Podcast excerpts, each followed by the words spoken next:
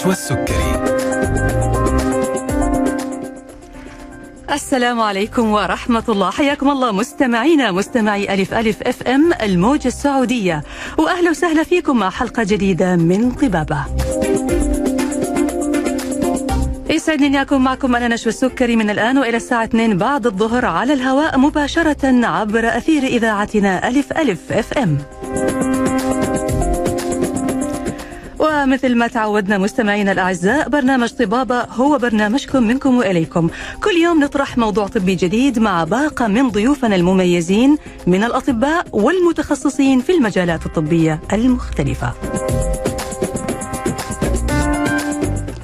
وطبعا نرحب بمقترحاتكم وبالمواضيع اللي أنتم حابين انه إحنا نطرحها في البرنامج.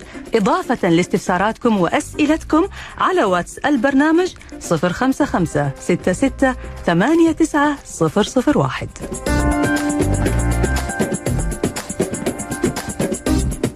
وموضوعنا اليوم أعزائي المستمعين إيش هو سر الشباب والنضاره كيف نحافظ عليه؟ فينا ما يبحث عن الشباب الدائم؟ مين فينا ما يشعر بالفرحة لما يقابل أحد ويقول له ما شاء الله عليك ما تكبر ولا يبين عليك عمر ليش نشوف أحيانا امرأة في الخمسين من عمرها لكن تبدو كأنها في الثلاثين والعكس صحيح ليش أحيانا نشوف شابة في الثلاثين لكن تبدو أنها أكبر من عمرها بكثير إيش السبب؟ إيش سر النضارة؟ إيش سر الشباب وكيف نحافظ عليه؟ هذا هو موضوع حلقتنا اليوم عن سبب نقص الكولاجين في الجلد وطرق تحفيزه مع ضيفتنا الدكتورة ريهام عبد المحسن دكتوراه في الجلدية والتجميل من عيادات أندلسية لصحة المرأة حياك الله دكتورة ريهام وأهلا وسهلا فيك في برنامج طبابة. أهلا وسهلا دكتور. أهلين. دكتورة ريهام إحنا نتكلم عن الكولاجين ونقول سر الشباب وأكسير الشباب والكلام هذا كله كان يعني طلب دائم على مر السنوات وعلى مر العصور. بس خلينا نعرف في البداية إيش هو الكولاجين؟ كيف يتكون في الجسم؟ إيش مصادره؟ خلينا نعرف كذا طيب دكتور خلينا نبتدي نقول إن دلوقتي موضوع تحفيز الكولاجين ده بقى هو الترند دلوقتي. يعني حتى يعني كما كدكاترة تجميل رايحين أكتر السنة دي والسنة اللي فاتت يم تحفيز الكولاجين أكتر منها fillers بوتوكس لأ بقى الطلب دلوقتي على تحفيز الكولاجين أكتر مم. ناس فهمت فهمت إن الاهتمام بالأرضية أو طبيعة البشرة أهم من أي حاجة خلينا الأول نقول إيه هو الكولاجين زي ما حضرتك سألتي الكولاجين ده بروتين بيتم إنتاجه في الجسم من خلية اسمها ال fibroblast أو خلية النسيج الضام. البروتين ده موجود منه أنواع كتير في جسمنا وموجود في مناطق كتير. أهمها اللي يهمنا دلوقتي خلينا نتكلم عن الجلد بس هو موجود في العظام موجود في الغضاريف موجود حوالين الأن- ال- الأعضاء الداخلية موجود في كل مناطق جسمنا تقريبا. بس خلينا نتكلم عن الكولاجين الموجود في الجلد. الكولاجين الموجود في الجلد هو كولاجين أهم نوع فيهم هو الكولاجين رقم واحد. نعم.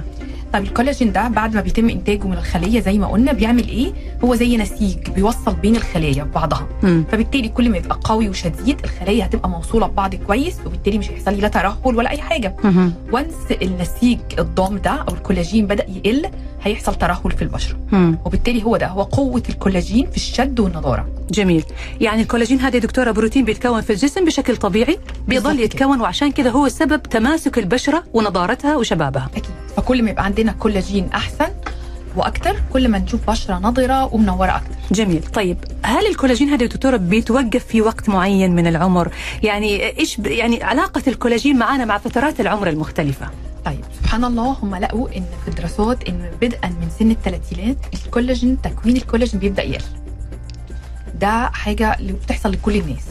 دورنا إحنا بقى نعمل إيه نعمل حاجة تقلل معدل نزول الكولاجين وتحفز تكوين كولاجين جديد مم. وبالتالي يبقى أي إجراء من ده يبدأ من الثلاثينات ابتداء من الثلاثين آه يعني ما مم. استناش بقى لما يحصل already مشكلة يحصل already عندنا الترهل أو يحصل فقدان كمية كبيرة من الكولاجين وأجي أقول أنا عايزة أحفز كولاجين هو أصلا ما فيش كولاجين في الوقت ده يتحفز مم. فبالتالي من أول سن الثلاثينات لازم يكون ليا روتين سواء في البيت سواء في العيادة زي ما هنتكلم كمان شوية يعمل على تحفيز الكولاجين بحيث إن أنا ما أفقدش كمية كبيرة من الكولاجين جميل. طيب حضرتك الآن بتقولي أنه ابتداء من الثلاثين يبدأ يتناقص الكولاجين. في سؤال بيطرح نفسه يا دكتورة. إذا أنا بديت أخذ الكولاجين من سن الثلاثين وهو لا زال جسمي بيفرزه بشكل طبيعي هل أنا لما أخذ كولاجين خارجي يأثر على الكمية اللي بيفرزها جسمي بشكل طبيعي؟ الكولاجين الشرب صح؟ أو ال powder أو كده. طيب آه، بصي الموضوع ده عليه debates كتير مم. وعليه اختلافات كتير. دراسيا وعلميا آه، الكولاجين اللي بيتاخد عن طريق الفم آه، ما ثبتش إن هو ليه أي فاعلية ليه مم. لأنه بيتم تكسيره في الجهاز الهضمي إحنا عارفين أي حاجة بتتاخد بالفم بتعدي على الجهاز الهضمي والأمعاء والمعدة مم. ففي دراسات أثبتت إن شوية كمية كبيرة منه بتتكسر في الجهاز الهضمي وبالتالي اللي هيحصل له امتصاص كمية ضئيلة جدا مم. لكن على المجال الميداني أو في الواقع لا هو في منه ناس كتير يعني شكرت فيه وشافت نتيجة كويسة على جلدها وبشرتها وكده. فحلو إن أنا أشرب كولاجين حلو بس ما اعتمدش عليه ف... يعني بشكل كبير. هنشوف دلوقتي حاجات أهم من شرب الكولاجين ممكن تفيدني في روتيني اليومي. يعني هو ممكن يكون مفيد عند فئة بسيطة لكن ما هو مفيد للدرجة اللي ممكن نلاقي معاها نتيجة واظن كويسة. بلاحظ كده يعني بنات كتير تقول لك اخذت الكولاجين يعني ما ما حسيت بفرق. حسيت بفرق. وفي بنات تقول لا حسيت إن أنا تحسنت بشرتي حتى كطاقة عامة للجسم يعني. مم. طيب خلينا دكتور نعرف إيش سبب نقص الكولاجين في الجلد؟ سبحان الله هي الخلايا اللي بتفرز الكولاجين اللي اسمها ال fibroblast بتقل في الجلد. وبالتالي افرازها للكولاجين بيبدأ يقل. مع العمر. بالظبط كده. الخلية نفسها اللي بتنتجه هي اللي بتبدأ عددها يقل. مم. وبالتالي في مواد برضو طالعة جديدة هنتكلم عنها بتزود الخلية نفسها. يعني- هل هل أنا يا دكتورة ك... كإنسان ممكن يكون لي دور إنه أتسبب في إنه الكولاجين عندي ينقص بمرور أسرع من غيري يعني؟ طبعا. أيوة. هقول دلوقتي إيه العادات اللي ممكن نعملها. تقلل الكولاجين. طب حضرتك بس احكي لنا في الأول كمل كمل اجابه سبب نقصان الكولاجين في الجلد. ما هو السبب إن الخلية نفسها الخلية. خلاص مم. هي قلت مم. هقول إيه الحاجات اللي ممكن نعملها تقلل أكتر طيب اولا التعرض لل UVA أو للشمس بشكل مبالغ فيه الناس اللي كل يوم tan أو كل أسبوع tan tan أيوه الأشعة الضارة للشمس مم. بتقلل تكوين الكولاجين أشعة فوق البنفسجيه مم. ما بقولش ما ناخدش tan أو ما نتعرضش الشمس بس على قد ما نقدر بلاش كتير ويكون لازم واقي شمس آه، يعني كل ساعتين يتجدد على البشرة مم. التدخين التدخين من الحاجات اللي بتقلل الخلية المكونة للكولاجين في الجلد مم. تمام آه إيه تاني ال- ال- العادات الغير صحية في الأكل يعني السكريات الكتير السكر الكتير بيقلل الخلية اللي بتكون الكولاجين مم. وبالتالي كل ما هعتمد في أكلي على أكل صحي مفيد مليان ألياف مليان بروتين وقليل في السكر أنا كده هفيد جلدي في تكوين الكولاجين أكتر مم. دول أهم ثلاث عادات. الحركة الرياضة لها دور يا دكتورة ولا ما تأثر؟ آه الرياضة المبالغ فيها. يعني بشكل بطعام غير مفيد دي تضرني. يعني في ناس تروح تقول أنا عايز أبني عضلات وهي ما بتاخدش كمية كافية من البروتين صحيح دي آه، هتتعب أكتر. فأنا لو هعمل رياضة بس مع حد فاهم ويكون بيديني كمية الكالوريز كمية البروتين المفيدة لجسمي وأنا بعمل رياضة أنا أكيد هستفيد من الرياضة لكن في ناس بتفقد كمية عضلات وبروتين رهيبة مم. مع الرياضة وهي أكيد مش هتستفيد والجلد هيتأثر جدا. ترهل كتير هيحصل في الجلد. مم. لأن هي ما خدتش بروتين. إحنا اتفقنا الكولاجين بروتين. صحيح. وبالتالي أنا محتاج آخد في اكلي كمية بروتين كافية علشان مم. أكونه كويس. تمام. فلو هلعب رياضة أكون آخد قصادها أكل كويس. هنا حضرتك ذكرتي حاجة مهمة إنه أنا محتاج اخذ في يعني بما إنه الكولاجين بروتين يعني مصدره الأساسي البروتين. البروتين، لكن لما اخذ الكولاجين ككولاجين في الأساس هذا اللي بيتكسر في الجسم أو داخل. الجهاز الهضمي وبالتالي ما أستفيد منه، لكن أنا لو نوعت في غذائي وأخذت كمية كافية من البروتين هو راح يتحول طبعا إذا أنا في سن صغيرة إلى الكولاجين اللي بيوصل لأنسجة وخلايا الجسم المختلفة. صح كده. صح كده؟ صح. كده. ال- الأكل اللي فيه بروتين أو أحماض أمينية. الأحماض الأمينية هي ال- المكونة للبروتين. موجودة بقى في النتس في المكسرات آه، موجودة في آه، اللحوم موجودة في الدجاج. كل ده موجود فيه بكمية كفاية من البروتين أو الأحماض الأمينية اللي تكون الكولاجين في الجلد. جميل. طيب نبدأ يا دكتور الآن ناخذ آه، طرق المحافظة على الكولاجين وتحفيزه. ناخذ الأجهزة في الأول وبعدين ناخذ الطرق الثانية. طيب ممكن نبدأ بالبيت؟ نبدأ بالبيت. طيب ال healthy lifestyle عموما جايز الناس تشوف الكلام ده كلام مرسل أو كده بس الكلام ده فعلا انت قلتي من شوية في بنت تشوفيها تقولي مش باين عليها العمر وفي بنت تقولي باين عليها العمر. صحيح. الموضوع صدقوني بيبدأ من ال healthy lifestyle. يعني لو النوم كويس. النوم عدد ساعات كفاية بالليل أكتر من بالنهار. مم. زي ما قلنا أكل كويس وصحي ناس كتير قوي هتلاقيهم لما قالوا لما قللنا ال carb وبقينا نعمل. intermittent fasting والكلام ده طاقتنا اتحسنت بشرتنا اتحسنت والموضوع ده كتير دلوقتي يعني بقت ناس واعية أكتر لموضوع الأكل الصحي دوت. الترطيب مهم قوي لبشرتنا وزي ما نهتم بترطيب الجلد في البشرة نهتم بترطيب الجلد بتاع الرقبة نهتم بترطيب جلد الإيد بلاش نهمل إيدينا ورقبتنا لأنها بتعاني الآخر مم. فنعمل الإيدين والرقبة زي الوجه بالظبط. آه بالليل قبل ما ننام عايزة أكتر حاجة مضادة للشيخوخة حاليا في الكريمات الموضعية هي الكريمات اللي بتحتوي على مشتقات فيتامين ألف أو اللي بنسميها الريتينول مم. لو- هذه مقشرات هي بتقشر تقشير خفيف خفيف جدا. مم. وفي منها حاليا أنواع مش مقشرات. مم. إيش دورها يا دكتورة؟ بتحفز كولاجين. تحفز الكولاجين. الريتينول من أقوى الحاجات اللي محفزه للكولاجين. موجودة حاليا في كريمات فيها ممكن تلاقي فيها معاها hyaluronic acid معاها كولاجين معاها فيتامين C. بس ال- الدراسات ال- ال- الصح فعلا على مضادات الشيخوخة هي الريتينول مم. اللي هي مشتقات فيتامين A أو فيتامين ألف جميل. لو نواظب على ده كروتين يومي لينا بالليل قبل النوم هيفرق معانا جميل. ما ننساش please واقي الشمس زي ما قلت لأن أيوة. الاشعه المضره للشمس بتقلل الكولاجين. يبقى. كده أنا محتاجة مرطب واقي شمس كريم ليلي فيه آه، مشتقات من فيتامين ألف. وشرب مويه طبعا. ونشرب مية كتير طبعا عشان ما نكبرش. طيب هنعرف يا دكتورة إيش هي الأجهزة اللي بيتم استخدامها لتحفيز الكولاجين. بس هنطلع فاصل نرجع بعد ونواصل حلقتنا طبابة.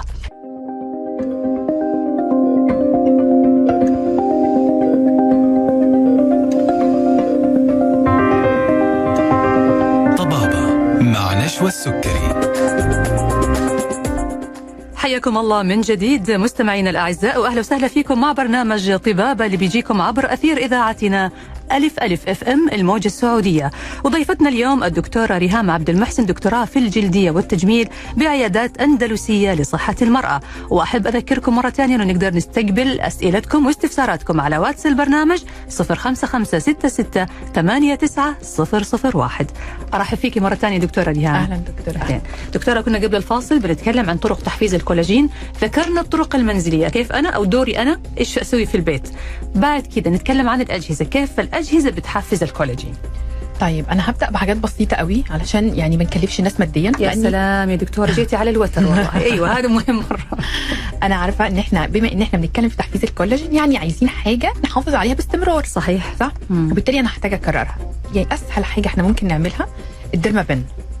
الديرما بن آه، جهاز بسيط قوي ليه سنون بسيطة خالص بتفتح زي مسامات بسيطة في الجلد نقدر ندخل بيها أي حاجة والسنون دي نفسها التقنية نفسها بتحفز كولاجين. جميل. وأنا ممكن أستغلها كمان في إن أنا أدخل حاجة بيها في الجلد تحفز لي كولاجين. حلو. ممكن أدخل إيه بال derma pen؟ نستفيد منه داخل الجلد ممكن أدخل حاجة اسمها بلازما أو خلايا جذعية. أو مستخلصات الخلايا الجذعية عشان نبقى دقيقين. طيب إيه الفرق بين البلازما ومستخلصات الخلايا الجذعية. البلازما إحنا بنسحب من الشخص دم بنرسبه في جهاز بنرمي كرات الدم الحمراء وناخد البلازما. تمام. البلازما دي فيها إيه؟ فيها الصفائح الدموية. الصفائح الدموية دي فيها إيه؟ فيها عوامل محفزة للنمو. فأنا في الآخر بستهدف من البلازما حاجة اسمها growth factors أو عوامل محفزة عامل للنمو. النمو. دي بتساعد على تجديد خلايا البشره أو بتحفز الكولاجين زي ما قلنا. مستخلصات الخلايا الجذعيه جاهزة.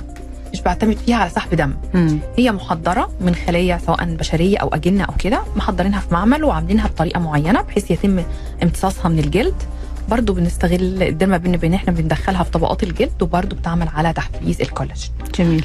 فجلسات ال derma pen من أسهل الجلسات وألطفها اللي ممكن نستخدمها في العيادة نحفز بيها الكولاجين. جميل. دكتور حضرتك بتتكلمي طبعا عن جلسات ال derma pen اللي في العيادة. أكيد. في أقلام derma pen بتباع على المواقع التجارية آه، ويبيعوا معاها فيتامين سي يبيعوا معاها hyaluronic acid يقول لك هذه خذ هذه مع هذه واحيانا في ناس تاخذ ال derma pen أو ال derma roller البكرة هذه العجلة ويروحوا على صيدلية ياخذوا مثلا فيتامين سي ويبدأوا يشتغلوا على البشرة. فإيش رأيك في هذا الشيء؟ طيب اولا هتكلم عن ال derma pen في الموضوع ده وهتكلم عن الحاجة اللي إحنا بنحطها بال derma pen ال derma pen نفسها لازم تستخدم ب depth معين عشان فعلا تعمل على تحفيز الكولاجين. ب- بعمق معين في البشرة. لو أنا عملتها بحاجة بسيطة كده على البشرة من غير إحساس أي بالألم ولا إن أنا اطلع. دم مم. هي كده ما عملتيش أي حاجة. بن فلازم أستخدمها ب depth معين وبشكل معين يعني بطريقة معينة في المسكة بحيث أستفيد فعلا من الجلسة. فلو أنا جميل. ما عملتش كده مش هستفيد. حلو.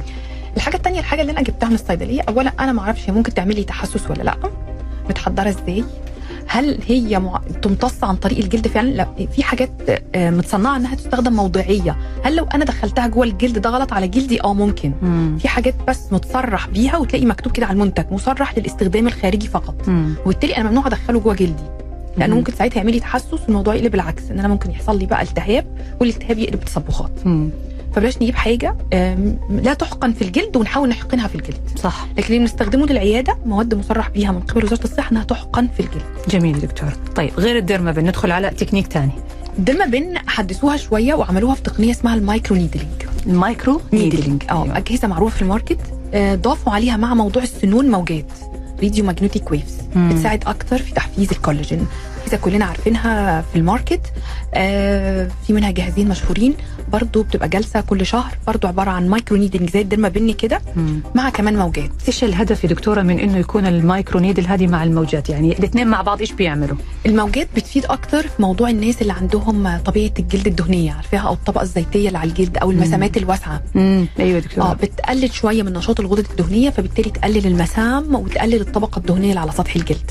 حلو. والإبر بتحفز الكولاجين زي ما قلنا وبرده بنقدر ندخل بيها أي حاجة إحنا عايزينها مع الجلسة دي. ادخل مم. بيها خلايا جذعية أو ادخل بيها بلازما. جميل. تصلح لكل الأعمار يا دكتورة؟ لكل الأعمار. وميزة ال micro needle كمان في ميزة قوي ان ملوش down time الناس مبقاش عندها وقت تقعد في البيت. صحيح. يعني أنا لما بيجي لي آه، إجراء هعمله بقول للمريض هنقعد مثلا أسبوع 10 أيام في البيت؟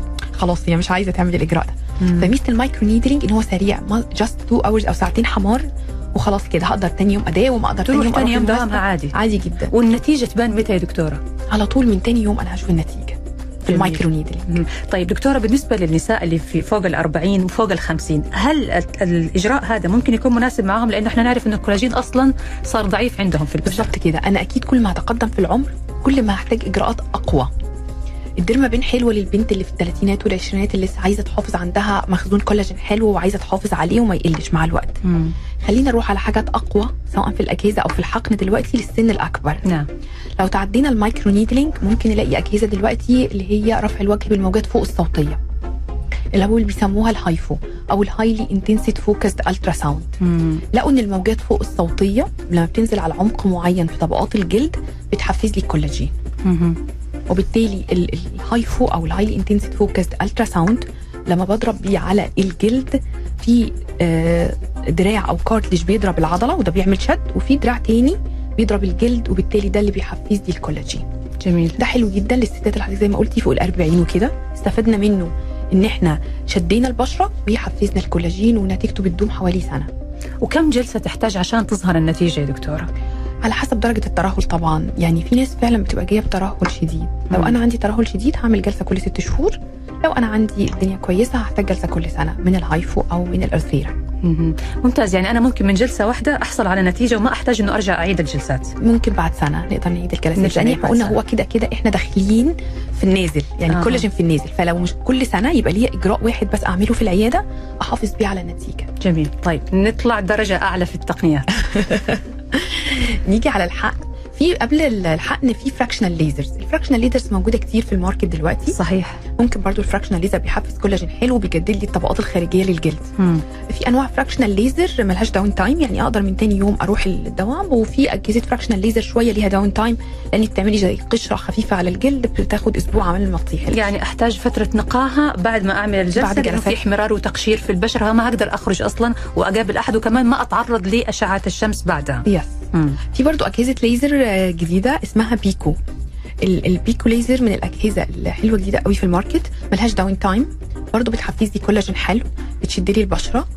آه وتنفع برضو للسن اللي انت قلتي عليه أكبر شوية. مهم. نضارة ملحوظة جدا من أول جلسة. جميل دكتور. هذه الدكتوره يعني الأجهزة برضو من الأشياء المهمة. إحنا صرنا نشوف إعلانات كثير ومغريات كثيرة وصراحة المنافسة ما شاء الله بين المراكز التجميلية جدا مرتفعة. أوقات نلاقي مثلا ست عروض من جهاز معين ممكن تاخذيها نلاقي ال...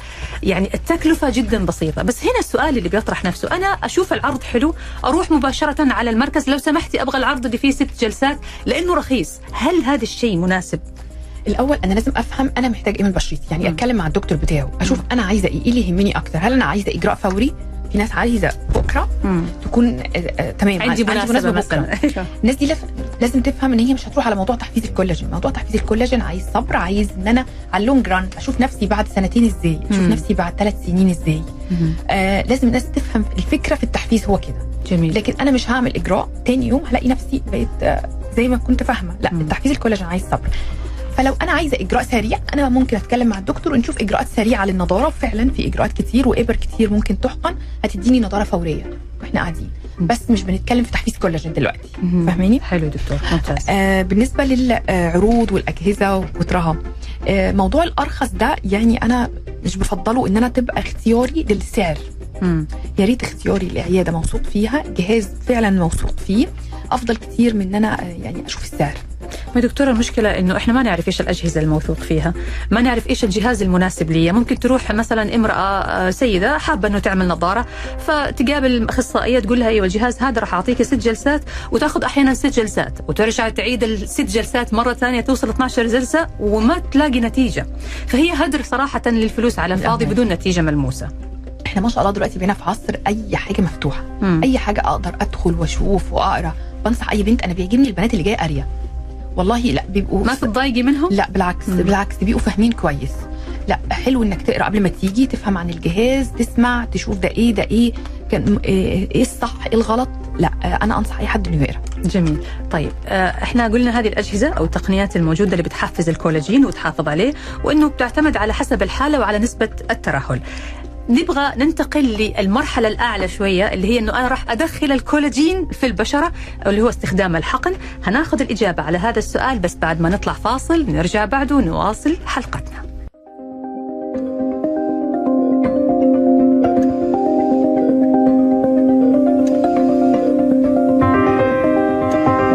طبابة مع نشوى السكري.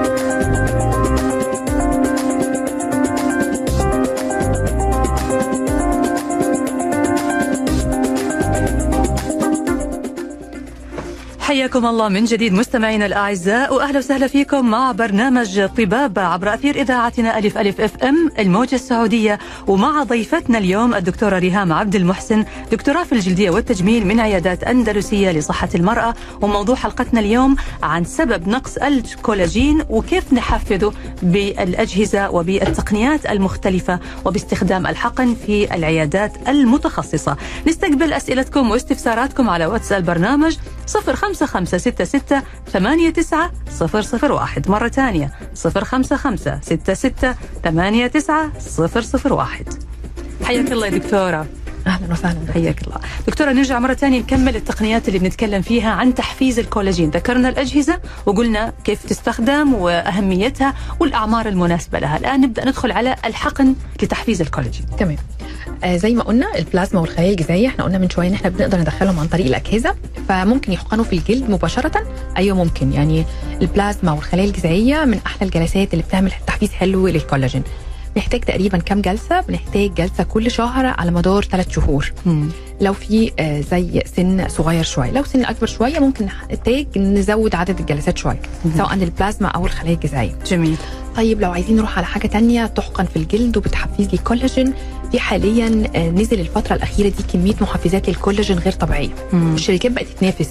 يعني حتى شركات ال fillers اللي كانت بتنزل fillers بقت دلوقتي تتنافس في إنها تنزل محفز للكولاجين أكتر منها فيلرز. يعني مواد محفزة للكولاجين منفصلة عن الم- المواد المالئة أو الفيلر ولا معاها في نفس الوقت؟ في وفي. في محفزات للكولاجين فقط مم. وفي فيلر محفز للكولاجين. جميل. هتكلم الأول عن محفزات الكولاجين اللي هي من غير فيلرز. في مادتين رئيسيتين في ال market. في مادة اسمها ال polylactic acid. المادة دي تنفع بقى للسن المتقدم اللي انت قلتي عليه للسن الكبير. فعلا بتشد البشرة حلو جدا. بننصحهم إن إحنا نعمل جلستين بينهم حوالي شهرين. وممكن نحتاج ثلاث جلسات للناس ال- على الاكبر حسب عمرا. الحالة. مم. أيوه. وبننصحهم إنها تحاول تاخد فيتامين سي معاها في البيت. تاخذوا فيتامين سي آه، كدهان حبوب. ولا لا حبوب؟ حبوب. لا ان الفيتامين سي من أعلى الحاجات اللي بتساعد في تحفيز كولاجين ممتاز هذا في أي المادة. مرحلة عمرية يا دكتورة؟ آه يعني حتى في سن كبيرة برضو آه، الفيتامين آه، سي آه، مناسب الفيتامين سي كويس. ال polylactic acid المادة اللي بتحقن ديت.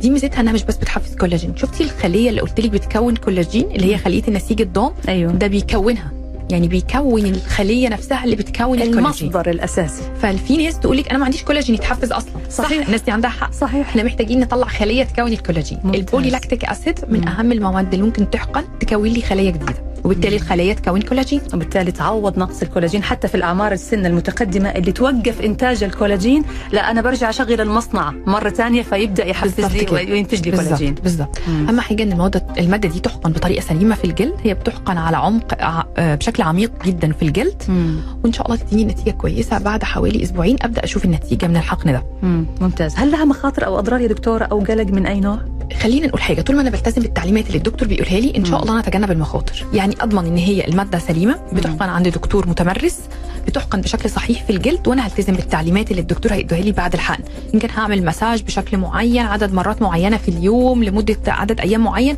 رجاء الالتزام بالتعليمات اللي الدكتور هيديها لنا إن شاء الله إن شاء الله ما نواجهش مشاكل. إن شاء الله. جميل. آه، إيه المادة الثانية اللي ممكن تحفيز الكولاجين من غير أي امتلاء. مادة اسمها ال polycaprolactone. مم. ال polycaprolactone من المواد برضو بيسموه حاليا الفيلر التحفيزي أو المعالج. مم. ليه؟ هو بيحفز كولاجين. بيتحقن في البشرة برضو. نعمل جلسة ثانية بعد شهرين. برضه بتحفز لي الكولاجين بشكل كويس جدا بتدوم نتيجتها لمدة سنة وتنفع برضه في الأعمار الكبيرة اللي فوق ال 40 وال 50 سنة مهم. أنا ملاحظة دكتورة حضرتك بتتكلمي الآن عن مواد بتحقن في البشرة بتحفز الكولاجين Yes. أو بتصنع المصنع المادة اللي بتصنع الكولاجين yes إحنا لسه ما دخلنا إنه أحقن كولاجين نفسه داخل البشرة الكولاجين لا يتحقن في البشرة لا يحقن لا الكولاجين يحقن في البشرة. إحنا فقط نحفز الكولاجين أيوه, أيوة. جميل لكن ما فيش أي إجراء ممكن يتعمل في العيادة آه، حقن الكولاجين direct في البشرة. يعني اذا إحنا أقصى شيء بنوصل له إنه إحنا نخلي البشرة نفسها هي اللي تفرز الكولاجين سواء كان تفرز الكولاجين أو أو من خلال ال- الخلايا اللي بتصنع الكولاجين. نعم. وهذه طبعا أقوى لل- للأعمار الكبيرة يعني الأعمار المتقدمة. بالظبط كده. جميل. إلا لو هو أعمار كبير بس هو محافظ منذ الصغر يعني في ناس ما شاء الله ما شاء الله هم مداومين على الجلسات في العيادة هي خلاص مم. عارفة. مم. بيبان. أنا بحس إن البشرة دي فعلا استثمار. مم. يعني تجيلي واحدة في الستين زي ما قلتي بس هي مهتمية باين إن هي كل فترة بتعمل إجراء. صدقيني هيفرق. يعني مستحيل تلاقي واحدة آه، آه، اتنين عمر في الستين واحدة منهم بتعمل إجراءات في العيادة محافظة وواحده لأ لسه أول مرة لأ بتفرق في البشرة.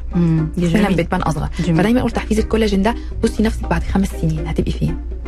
حلو. بس كده طب طبعا دكتور إحنا يعني اتفقنا مع حضرتك إنه إحنا ما هنذكر الأسماء التجارية للمنتجات لأنه ما نقدر نقول الأسماء لكن حضرتك بتذكري الاسم العلمي أو التركيبة لكن اللي حابب يعرف اسم ال- الكريم أو المستحضر هذا بإمكانه طبعا التواصل معنا أو التواصل مع الدكتورة يعرف إيش المنتجات هذه المناسبة لبشرته والأفضل من هذا وهذا إنه يستشير الطبيبة. دكتورة ريهام مباشرة عشان يشوف هل المنتجات هذه مناسبة لبشرته ولا في إجراء ثاني قد يكون أفضل من استخدام هذه المستحضرات. ينوروني عينيا طبعا الله إحنا قلنا. مادتين دلوقتي قلنا أيوة. البوليلاكتيك اسيد مم. وقلنا ال polycaprolactone تمام يا دكتورة طيب حضرتك سألتيني في fillers فيها تحت محفزات للكولاجين أيوه مم. حاليا في fillers فيها مادة الكالسيوم مهم. ال calcium hydroxyapatite لما بيتحط مع ال fillers بيحفز كولاجين فال fillers دي موجودة في ال market آه أنا ممكن أستخدمها في شد مم. من غير أي إعطاء حجم وممكن أدي بيها حجم مم. على حسب رغبة ال- المراجعة اللي امامي مم. لو هي عايزة شوية امتلاء خفيف بتفرق في إيه بتفرق في ال dilution أو الت- آه، تخفيف. المادة مم. لما بحقنها بتركيز مخفف جدا جدا ما بتدينيش حجم ما بتدينيش امتلاء تديني بس شد وإن أنا آخد فايدة الكالسيوم في الجلد مم. لو أنا عايزة احقنها بشكل يدي حجم و volume أنا مش ه... مش هخففها قوي أسيبها مركزة وأحقنها بحيث تديني حجم مم. بتتحقن في البشرة بتتحقن في ال- في الرقبة بتتحقن في الإيدين كل ده بيدي تحفيز للكولاجين. حلو قوي. طيب جميل. المادة دي. حتى كمان الأيادي يا دكتور نقدر نحقنها لأنه بعض الأيادي بيكون فيها العروق ظاهرة جدا فيها تجاعدات كثيرة. هذه يعطي نتيجة حلوة مع الأيدي؟ جدا وبتحسن من طبيعة الجلد نفسها. يعني ليه؟ عشان حفزت الكولاجين. فبتلاقي آه، الاقي ايدي تعبت fillers آه okay بس كمان مع الوقت بعد مرور شهرين ثلاثة أربعة أحس إن طبيعة جلدي بدأت تتحسن.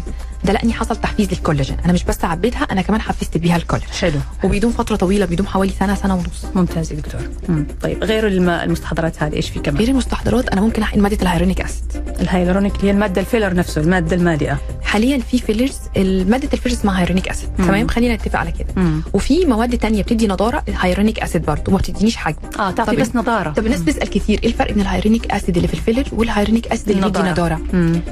جزيئات ال hyaluronic acid اللي في الفيلر مترابطة مع بعض متماسكة. اسمها cross linked وبالتالي لما أحقنها تديني حجم تديني volume لأن الجزيئات attached لبعض قوي ماسكة في بعضها جدا. مم. فبالتالي تديني حجم.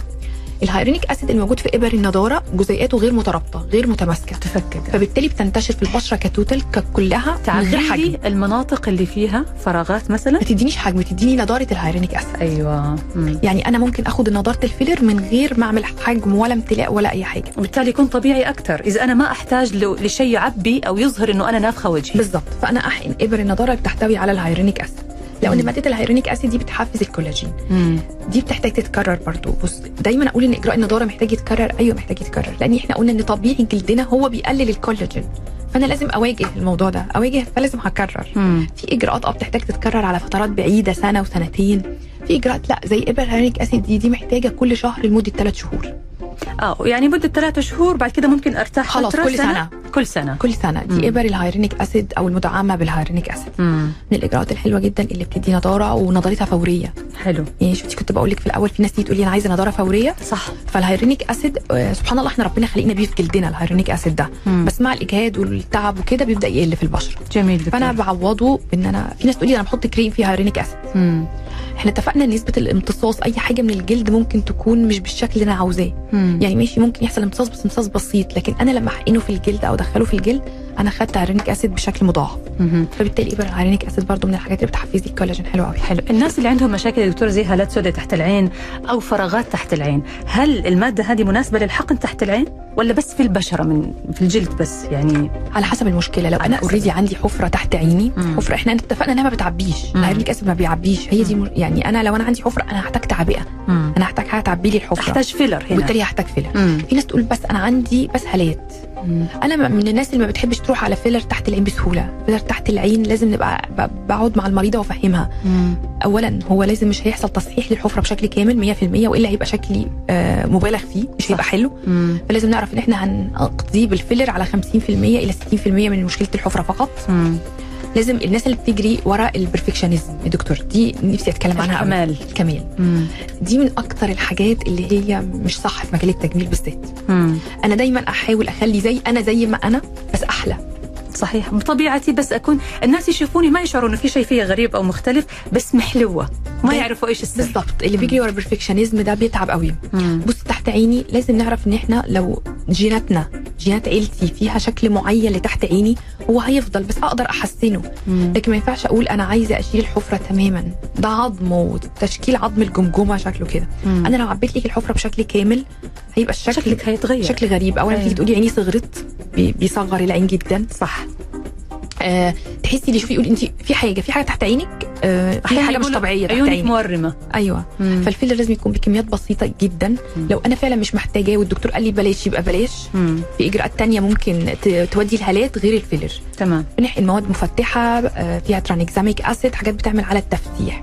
ولازم أعرف إن لو الموضوع جيني جيني. وراثي. وراثي الحل. بيبقى أصعب وأصعب. مم. أنا هحسنك مش هودي الهالات. خلينا صراحة و يعني نبقى عارفين إن أنا لو اتحسنت بنسبة 20 30% لو الموضوع جيني أو أنا ال lifestyle بتاعي تعبني. يعني أنا ال lifestyle بتاعي من النوع اللي بنامش كويس بنام مثلا ساعتين في اليوم. مهما لازم يجي هالات آه، مهما سويت أنا وعالجت ما هقدر أعالج الهالات أو إنه أنا أكون مدخنة شرهة. بالظبط مدخنة شرهة وقاعدة أعالج وجهي وأعالج بشرتي وأنا مستمرة في أو عندي التدخين. أنيميا مزمنة. ناس أو- برضه لازم. تعمل check يعني على ال CBC صورة الدم الكاملة بتاعتها تتأكد ما عندهاش الهيموجلوبين بتاعها مظبوط وكده. لو في نقص ناخد حديد. لأن الأنيميا برضه الغدة الدرقية. الحاجتين دول يعملوا لي هالات تحت العين. ويعملوا إجهاد بشكل عام في الجسم وإجهاد على البشرة. جميل. طيب دكتورة خلينا كده لما تيجي لحضرتك آه، سيدة أو حتى رجل. طبعا الآن موضوع التجميل وتحفيز الكولاجين مو بس حكر على النساء حتى الرجال كمان صاروا يعني يحبوا أنهم يكونوا بمظهر شباب دائم يعني.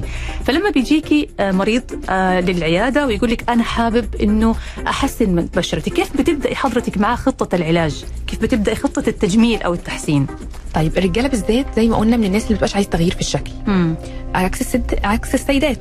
فأنا لازم أروح عليه على حاجة زي ما قلنا تحفز كولاجين نعم. على حسب سن الشاب اللي قدامي أنا هختار له الإجراء.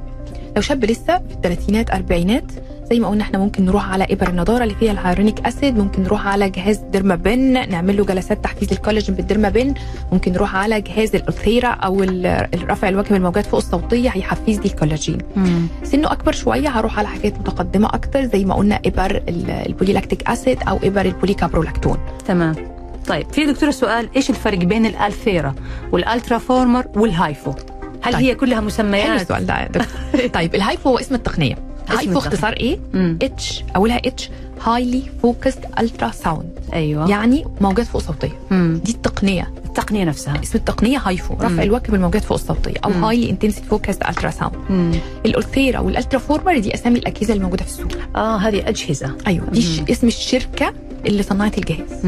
Ulthera اسم شركة وال Ultraformer اسم شركة تانية لكن. الاثنين نفس التقنية مم. في اختلاف آه في جيل ال- الموجات الصوتية بجهاز أحدث عن جهاز لكن في الآخر هم نفس التقنية اللي هي الموجات فوق الصوتية. في جهاز بيتميز عن جهاز بحاجات معينة في واحد فيه سونار اللي هو ال Ulthera فبقدر أشوف العضلة فين بالظبط وبضرب عليها فبالتالي ما بتعرضش. دقيق أكثر. أيوه. مم. جميل. إحنا دكتورة حلقتنا مستمرة وعندنا أسئلة كثيرة وصلتنا الآن من المستمعين هنجاوب عليها في الجزء الأخير من حلقتنا. بس هنطلع فاصل قصير نرجع بعد ونواصل حوارنا.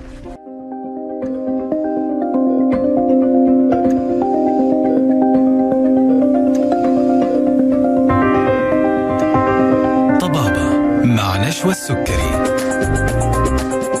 ورجعنا لكم مرة ثانية أعزائي المستمعين مع برنامج طبابة. وضيفة حلقتنا اليوم الدكتورة ريهام عبد المحسن دكتورة في الجلدية والتجميل بعيادات أندلسية لصحة المرأة. وموضوعنا اليوم عن سر الشباب الدائم عن الكولاجين وعن طرق تحفيزه وسبب نقصه في البشرة. برحب فيك مرة ثانية دكتورة ريهام. أهلا وسهلا. وكمان برحب في مستمعينا. إحنا بدينا طبعا نستقبل أسئلة من المستمعين ولا زلت أذكركم بأنه رقم الواتس اللي ممكن ترسلوا لنا أسئلتكم عليه 055 66 89 001 طيب دكتور إحنا كنا قبل الفاصل بنتكلم عن الخطة التجميلية أو الخطة العلاجية اللي حضرتك بتتبعيها لما بيجيكي شخص أو يعني سواء كان رجل أو امرأة للعيادة. آه، باختلاف الأعمار المختلفة اللي بتجيكي يا دكتورة كيف بتعالجي أو كيف بتتعاملي مع الحالات المختلفة؟ طيب اولا إحنا لازم نعمل تقييم للحالة. الأود- اللي قدامي أصلا سيدة ولا رجل؟ هل بيلعب رياضة؟ ما بيلعبش رياضة. الغذاء بتاعه شكله إيه؟ اللي بياخده في البيت المكملات الغذائية يعني لو بيلعب رياضة يكون بياخد بروتين يعني واللي إحنا قلنا من شوية. بعد كده السن أو العمر. مم. أكيد اللي هستخدمه البنت صغيرة في الثلاثينات مش هيستخدمه السيدة في الستينات. آه، لما بتيجي بنت صغيرة لسه عمرها صغير زي ما قلنا هنبدأ باجهزه بسيطة هنبدأ بال microneedling اللي قلنا عليه سواء في ال Dermapen أو الأنفني. بنبدأ بخلايا جذعية ببلازما. الحاجات البسيطة دي جلسه كل شهر لمدة ثلاث شهور هتديها نضارة حلوة وتحفيز حلو للكولاجين جميل. لو هنروح على سيده أكبر شوية بس هي already محافظة على بشرتها أو كده فهنروح على ال HIFU أو ال Ulthera بيديها نتيجة كويسة. لو هنروح على سن أكبر شوية وعنده ترهل شديد إحنا هنحتاج غالبا للحقن سواء بماده ال polylactic acid أو بال polycaprolactone زي ما قلنا. ممتاز يا دكتور. طيب دكتورة اسمحي لي الآن ناخذ الأسئلة اللي جاتنا من المستمعين. ضروري نجاوب عليهم. في أسئلة كثيرة وصلتنا. آه في سؤال يقول كيف يمكن التغلب على الانتفاخات تحت الجفون والهالات السوداء؟ طيب الأول موضوع الانتفاخ. نتأكد بس إن نعمل تحاليل check للكلى. الكلى لو فيها مشكلة بعد الشر من بتؤدي لانتفاخ تحت العين. تمام. دي أول حاجة. تاني حاجة لو هي المشكلة مشكلة يعني بفحص الطبيب تأكد إن هي مشكلة جيب دهني. في ناس بتعمل زي جيوب دهنية تحت العين. للأسف الجيب الدهني ده ملوش حل غير إنه يتشال جراحة. لازم جراحة. آه. يعني هذا مجال ثاني مختلف عن العيادات الجلدية. هذا يروح آه، جراح. بالظبط جراح هيشيل الجيب الدهني ده المشكلة هتتحل. لأن في ناس بتحاول تتغلب عليها بان بتحقن تحتها فيلر وكده المنظر مش بيبقى حلو خالص. يعني مم. خوفا من الجراحة. بس للأسف في مشاكل لازم المريض يعرف خلاص هي ملهاش حل غير الجراحة. يعني مم. مهما هنحاول نغطي أو كده مش هيبقى الشكل ظريف في الآخر مهم. طيب الهالات السوداء زي ما قلنا لو في تجويف آه، يعني جامد تحت العين هنروح على حقن ال filler بكميات بسيطة جدا جدا مم. وزي ما قلنا بتكون عميق لازم الحقن يكون عميق عشان filler تحت العين ما يبانش لأن مم. ال- الجلد تحت العين خفيف فأي filler يبان مم. فلازم يكون بشكل عميق جدا محقون ويكون بنوع filler خفيف خفيف مش تقيل أخف أنواع ال filler هي بتتحط تحت العين مم. ويكون زي ما قلنا بكميات بسيطة اللي هو جدا ال meso filler تقريبا أو شيء زي كده. يعني ال meso filler ده فاكرة ما قلت لك إن ال hyaluronic acid نوعين؟ أها. نوع متماسك ونوع- اسمه filler. أيوه. ونوع جزيئاته غير متماسكة اسمه إبر النضارة. مم. ال meso filler ده هو ده. هو اللي آه. جزيئاته غير متماسكة. هذا بيستخدم للنضارة. مهم. تمام؟ طيب دكتور إحنا بنعرف إنه ال filler مادة قابلة لامتصاص الماء. وبالتالي حقن الفيلر في بعض المناطق ممكن بعد فترة المرأة تشعر إنه في انتفاخ صاير عندها. فهذه كيف يتم التحكم فيها أو التغلب طيب عليها ال hyaluronic acid المادة المكونة لل filler ديت فعلا مادة بتسحب مية أو بتشد مية. مم. لو أنا حاطة أنواع fillers كويسة بيبقى ليها معدل لسحب المية. هو ال- الهيرونيك مش هيفضل يسحب مية مية مية فنفخ أكيد. لا هو أول 24 ساعة هيشد الميه اللي هو عايزها خلاص ويثبت على الحجم ده. عشان. كده دايما نقول الحجم الطبيعي لل filler هيبان بعد كام يوم. أها. كام يوم ليه؟ هيكون ال hyaluronic acid سحب ال- الميه الأنواع ال- النظيفة من ال fillers لأن الصراحة الشركات كترت كتير fillers فاحقن نوع موثوق فيه معروف عالميا. مصرح به من وزاره الصحة آه ليه حد في سحب المية آه النوع الرديء شوية أو الأقل شوية هو اللي ممكن يسحب مية كتير فيبان فيك. بالذات بقى في تحت العين عشان كده لازم النوع اللي تحت العين يكون نظيف عشان ما يسحبش مية كتير فبالتالي يورم over ويبقى شكلي آه مبالغ فيه. لما بتجيك دكتورة حالة وعامل filler قبل كده أصلا في مكان ثاني كيف بتتعاملي معاه في الحالة هذه؟ لو ال filler تمام وما فيهوش أي كلاكيع هل لازم شك- تعرفي إيش نوع ال filler السابق حقنه؟ هقول لك لأ هقول لك الإجابة ليه مم. حاليا كل ال fillers الموجودة في ال market أنا هتأكد بس هو حقنه إمتى مم. حاليا كل ال fillers المصرح بيها في العيادات من قبل وزاره الصحه هي ال fillers الغير دائمة اللي هي كلها hyaluronic acid تمام كلها مؤقتة اللي هي بتاخذ فترة وبتروح. والجسم بيحرق بيمتص فبالتالي أنا لما أحقن hyaluronic acid من الشركة الفلانية على ال hyaluronic acid بتاع الشركة الفلانية الثانية مش هيحصل حاجة لأن كلهم في الآخر hyaluronic acid. طب ليش بعض؟ العيادات. بتصير اتفضلي لكن لو هي حقنه filler دائم هنا كمان المشكلة. هنا المشكلة مم. ال filler الدائم بقى لا ده نقف نقف ونقف يعني مم. لأن ممكن يحصل مشاكل لو أنا حطيت ماده تانية على ال filler الدائم أنا. ما أعرفش reaction الجسم هيبقى إيه للشكل ال filler الدائم صح صح لكن لو filler معروف في ال market حاليا لسه سهون حقناه مفيش مشكلة إن أنا أحقن filler hyaluronic acid على نوع filler hyaluronic acid تاني مم. طيب ليش بعض العيادات آه بتصر إنه لا آه، في filler سابق لازم أعمل جلسات الأول أشيل أدور. ال filler السابق وبعدين أحط ال filler اللي أدور. عندي ليه؟ لأني ممكن يكون في مشاكل. بمعنى لو هي جاية لي filler تحت العين وهو already مثلا مكلكع. آه أوكي. فأنا لما أحقن الجديد مش هيظبط. فلازم ادوب الأولاني عشان الجديد يظبط. جاية لي بشفايف ال filler مثلا كان خارج فيها بره الشفة. مم. في منطقة ال- اللي بين الأنف وبين ال- الفم. مم. أنا مهما أحط filler شفايف المنظر هيبقى مش حلو خالص. فلازم مثلا ال filler اللي فوق الشفايف يتدوب الأول. عشان أقدر أرسم من جديد أو بال filler في filler مكلكع في الشفايف. ما أنا. لازم ادوبه. فهمت عليك دكتور بس أنا هقولك عن مادة. التدويب. الناس بتخاف قوي من مادة التدويب بتاعة ال filler صحيح. I don't know ليه معرفش مع إن هي مادة غير مؤلمة تماما بس أنا هنصح البنات بس لو عايز تطمن تعمل اختبار حساسية. الدكتورة بتعمله لها في العيادة. لأن في ناس ممكن تتحسس منها بت- بتورم بشكل over مم. هنعمل اختبار حساسية صغير جدا تحت الجلد في الذراع. هنتأكد إن المادة أنا ما عنديش أي حساسية منها أقدر أحقنها بشكل تمام وآمن جدا جدا جدا. طب في بداية الشهر لو أنا طلع عندي حساسية حتى أنا هاخد مضاد الحساسيه بس مع الحقن مم. والمادة المذيبه هذه دكتورة ما تأثر على الأنسجة المحيطة بالمادة الفيلر؟ بال- بالماده آه، المالئه عايزة الحقيقة لو اتحقن بشكل كبير فلازم آه. نحقنها بشكل صغير يمكن علشان هذا سبب الخوف؟ عشان بس تشيلي الفيلر ما أها. تأثرش كمان على انسجتي الطبيعية. يعني لازم أروح لدكتور متمكن مو أي أحد يقدر يسوي لي ال- المواد المذيبة هذه. أيوه. طيب ناخذ سؤال ثاني دكتور يقول هل هناك سن معين لا يمكن تناول الكولاجين بعده؟ لا بالعكس. ده دلوقتي ده كمان دكاترة العظم بتدي الكولاجين علشان الغضاريف والعظم وكده. فبالعكس ال old age أو الناس الكبار في السن لا آه، بالعكس هم أحسن كمان إنهم ياخدوا كولاجين عشان صحتهم العامة. زي ما قلنا شيء موضوع الغضاريف والعظم. تمام يا دكتور. طيب هل حبوب الكولاجين بتسبب زيادة الوزن؟ آه في ناس آه مع آه ممكن مع أي إضافات على الكولاجين بتفتح الشهية. مم. حتى مثلا تلاقي ناس تاخد فيتامينات شعر صح يقول لك فتح. شهيتي نعم. هي دي مشكلة في موضوع فتح الشهية فلو أنا لقيت المنتج بيفتح لي شهيتي بلاش okay طيب. أنا وانت ممكن ناخد نفس المنتج ويفتح لك شهيتي وما يفتحليش يختلف من شخص للثاني على حسب استجابة الجسم ففعلا في ناس كتير قالت حبوب الكولاجين بتزود الشهية مم. طيب هل يؤثر الكولاجين على الغدة الدرقية لا طالما غدتي سليمة وما فيهاش أي حاجة يبقى إن شاء الله ما فيش ضرر تمام طيب سؤال ثاني دكتور يقول أيهما أفضل الكولاجين البحري أم الحيواني؟ آه طيب أنا يهمني أكتر المادة المضافة مع الكولاجين. يعني مم. لو هنسأل إيه أحسن نوع كولاجين أهم حاجة يكون كولاجين فيه فيتامين C. زي ما إحنا قلنا فيتامين سي مهم جدا لتحفيز الكولاجين. يكون في حاجة اسمها أحماض أمينية مضافة مع الكولاجين. بتديني برضو آه، تركيز أعلى من تحفيز الكولاجين. مهم. طيب ما هي أقصى جرعة يمكن أخذها من الكولاجين يوميا؟ هي الشركات حاليا دلوقتي كل شركة وليها جرعة مم. هي دي المشكلة أنا بس هم معظم الشركات عاملاها في صورة آه، بيبقى محدد الجرعة مع الحاجة. يعني في حاجات موجودة في صورة حبوب هيقول لك خدي حباية أو حبايتين في اليوم في ناس حاطاه في صورة باودر بس بيتدوب واحد في كوباية في ناس حاطاه آه، شرب جاهز يعني مشروب جاهز فكل شركة بتبقى محددة الجرعه بتختلف من نوع لنوع يعني. مع إنه حضرتك في الحلقة برضو قلتي إنه آه، أخذ الكولاجين كبودرة أو كحبوب ما هو ما بيعطي النتيجة المأمولة يعني الرهيبة، آه. بيأثر بنسبة بسيطة جزء جدا. كبير منه جدا جدا بيفقد في الجهاز الهضمي بيتكسر. في الجهاز الهضمي وبالتالي ما بستفيد منه. بالظبط كده. طيب آه، برضو يا دكتورة في سؤال ثاني يقول بعد كم يوم ممكن تظهر نتيجة الكولاجين؟ الشرب يعني أنا أشربه؟ آه، بشكل عام يعني حتى لو لو لو شربنا حضرتك مش. أقل من ثلاث شهور. آه ياخذ وقت طويل. أيوه طبعا. وبالنسبة لل Dermapen أي إجراء في تحفيز كولاجين لازم أنتظر عليه. الكولاجين أصلا بيحتاج 60 يوم يتكون. عشان يتحفز ويتكون. بالظبط أيوه فأنا مش بتكلم في أقل من 60 يوم علشان شهرين. أشوف النتيجة النهائية لأي إجراء. أنا بعمله لتحفيز الكولاجين. يعني ما أتوقع إنه بعد أسبوع أسبوعين ألاقي بشرتي تشدت وصارت نضره أكيد بنبدأ بس ال maximum النتيجة النهائية مش تزيد بمرور 60 يوم. الوقت. بالظبط. طيب في دكتورة كده فترة انتشر موضوع على شوربة المقادم أو يسمونها شوربة الكوارع إنه هذه مصدر كولاجين رائع جدا وواحدة من النجمات المعروفات في هوليود تقول أنا سر شبابي ونضارتي إنه أنا يوميا آخذ شوربة المقادم. هو ده فعلا كلام صح. شوربة المجالم أو اللي بنسميها شوربة الكوارع آه غنية جدا بماده الجيلاتين أو الأحماض الأمينية اللي بتكون الكولاجين. أيوه. أو البروتين. زي نعتبرها كده مصدر البروتين بشكل رهيب. البروتين اللي بيكون اللي. بيكون الكولاجين. مم. فبالتالي لا هي مفيدة فعلا. بس معنى كده أكيد مش ها وفي high calories كتير على فكرة فمش يعني انتبهوا برضو لزيادة الوزن. أيوه. لكن هي من الحاجات الغنية بالجيلاتين أو بالأحماض الأمينية. أيوه. إحنا دكتورة سعداء جدا بوجودك معنا. الوقت مر بسرعة شديدة جدا. لكن صراحة استفدنا كثير من موضوع الكولاجين وكيف نحفز الكولاجين. أنا بشكرك جزيل الشكر الدكتورة ريهام عبد المحسن دكتوراه في الجلدية والتجميل من عيادات أندلسية لصحة المرأة. شكرا لك دكتور. بيكي دكتورة نجاة. الله يسلمك.